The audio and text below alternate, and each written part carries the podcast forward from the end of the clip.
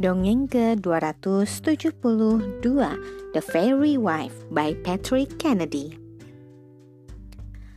This is one of the many stories in which a person is stolen away by the fairies and another person hopes to rescue them, which usually takes great courage and steadfastness. In fairy stories from Ireland, which this tale is set, People who neglect their prayers or don't go to church are always at more risk of being stolen by the fairies. In these stories, fairyman means a man who claims to have skill in curing the illness and disorders that fairies cause. There was a little farmer and his wife living near Coolgarrow. They had three children, and my story happened while the youngest was a baby. The wife was a good woman, but her mind was always on her family and her farm. She worked so hard that she hardly ever had time to pray before falling asleep, and she thought that the time spent in the chapel was twice as long as it need be. So, one day, she let her husband and her two children go ahead of her to Mass, while she called to consult a fairyman about a disorder one of the, her cows had. She was late at the chapel and was sorry all the day after for her husband was in grief about it. Late one night, the farmer was wakened up by the cries of his children calling out, Mother, Mother! When he sat up and rubbed his eyes, he found there was no wife by his side, and he asked the little ones what had become of their mother.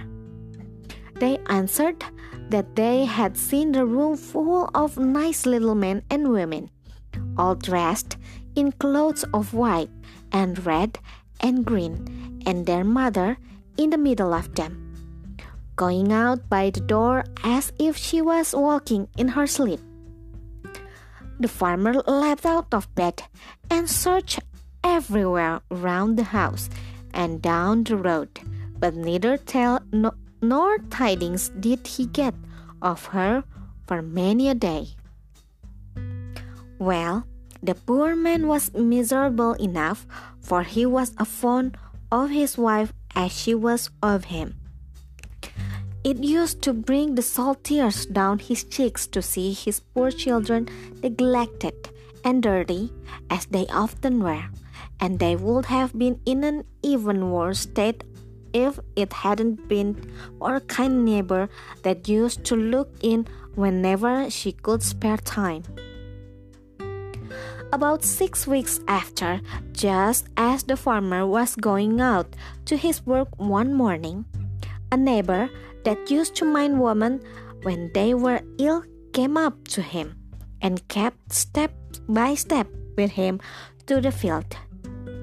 On the way, she told him just as I was falling asleep last night, I heard a horse tramp on the grass and a knock on the door. And there, when I came out, was a fine looking dark man mounted on a black horse. He told me to get ready in all haste, for a lady was in great want of me. As soon as I put on my cloak and things, he took me by the hand, and before I knew it was sitting, and before I knew it, I was sitting behind him. Where are we going, sir? said I. You'll soon know, said he. And he drew his fingers across my eyes, and not a ray could I see. I kept a tight grip of him, and a little knew whether we are going backwards or forwards or how long we were about it, till my hand was taken again and I felt the ground under me.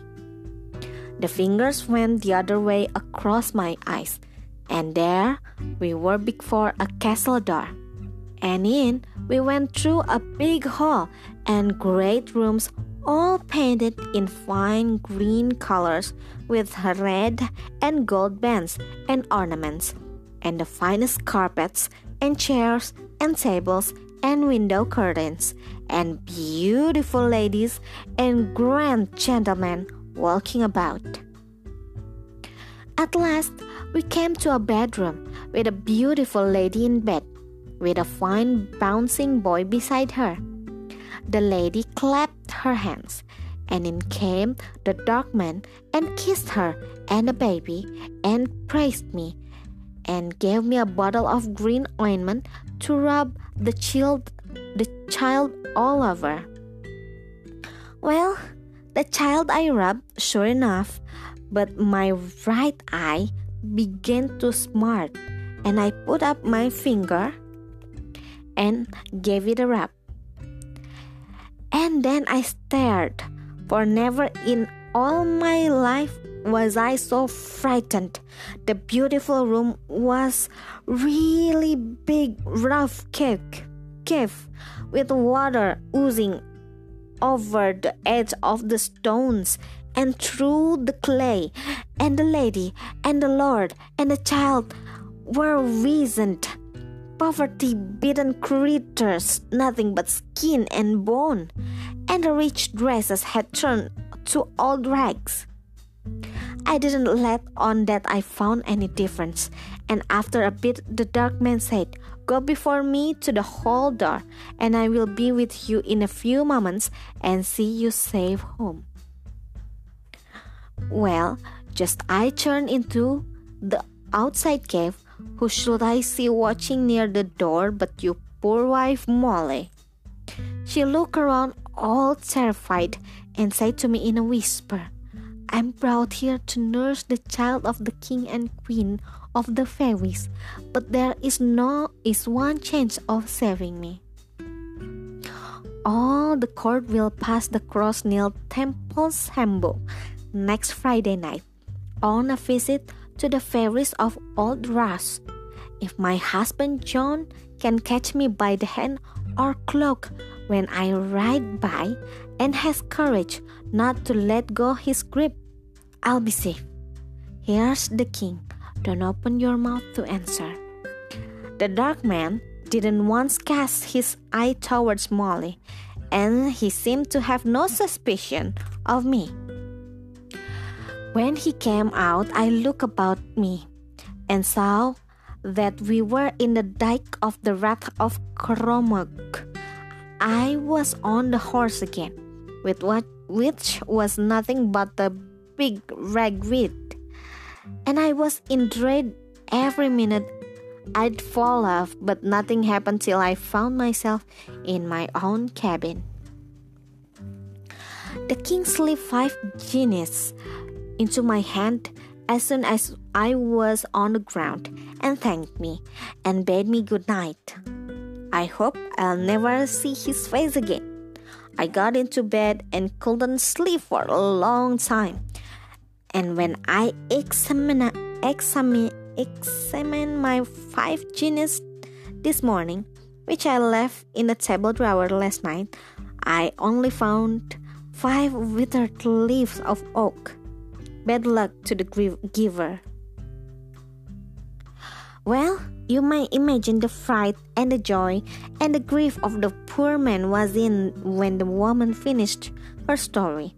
They talked and they talked till Friday night came. When both were standing where the mountain road crosses on the on the one going to Ross.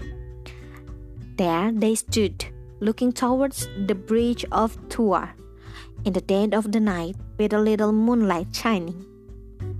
At last, the woman gave a start and said, Here they come, bridles jingling and feathers tossing. He looked, but could see nothing, and she stood trembling and her eyes wide open, looking down the way to the fort of Ballinacoola. I see your wife, said she, riding on the outside. We'll walk on quietly, as if we suspected nothing, and when we are passing, I'll give you a shove. If you don't do your duty, then woe be with you. Well, they walk on easy, their poor hearts beating hard, and though and though he could see nothing, he heard a faint jingle and trampling and rustling, and at last he got the push that she promised. He spread out his arms, and there was his wife's waist within them, and he could see her plain, but such a hullabaloo rose as if there was an earthquake. And he found himself surrounded by horrible looking things roaring at him and striving to pull his wives away. But he made the sign of the cross and bid them begone in God's name, and held his wife as if his arm were made of iron. In one moment, everything was as silent as the grave, and the poor woman lay in faint in the arms of her husband and her good neighbor. Well, all in good time she was minding her family and her business again. And I expect after the fright she got, she spent more time praying and avoided fairies all the days of the week, and particularly on Sunday. Sekian, terima kasih telah mendengarkan. Selamat malam.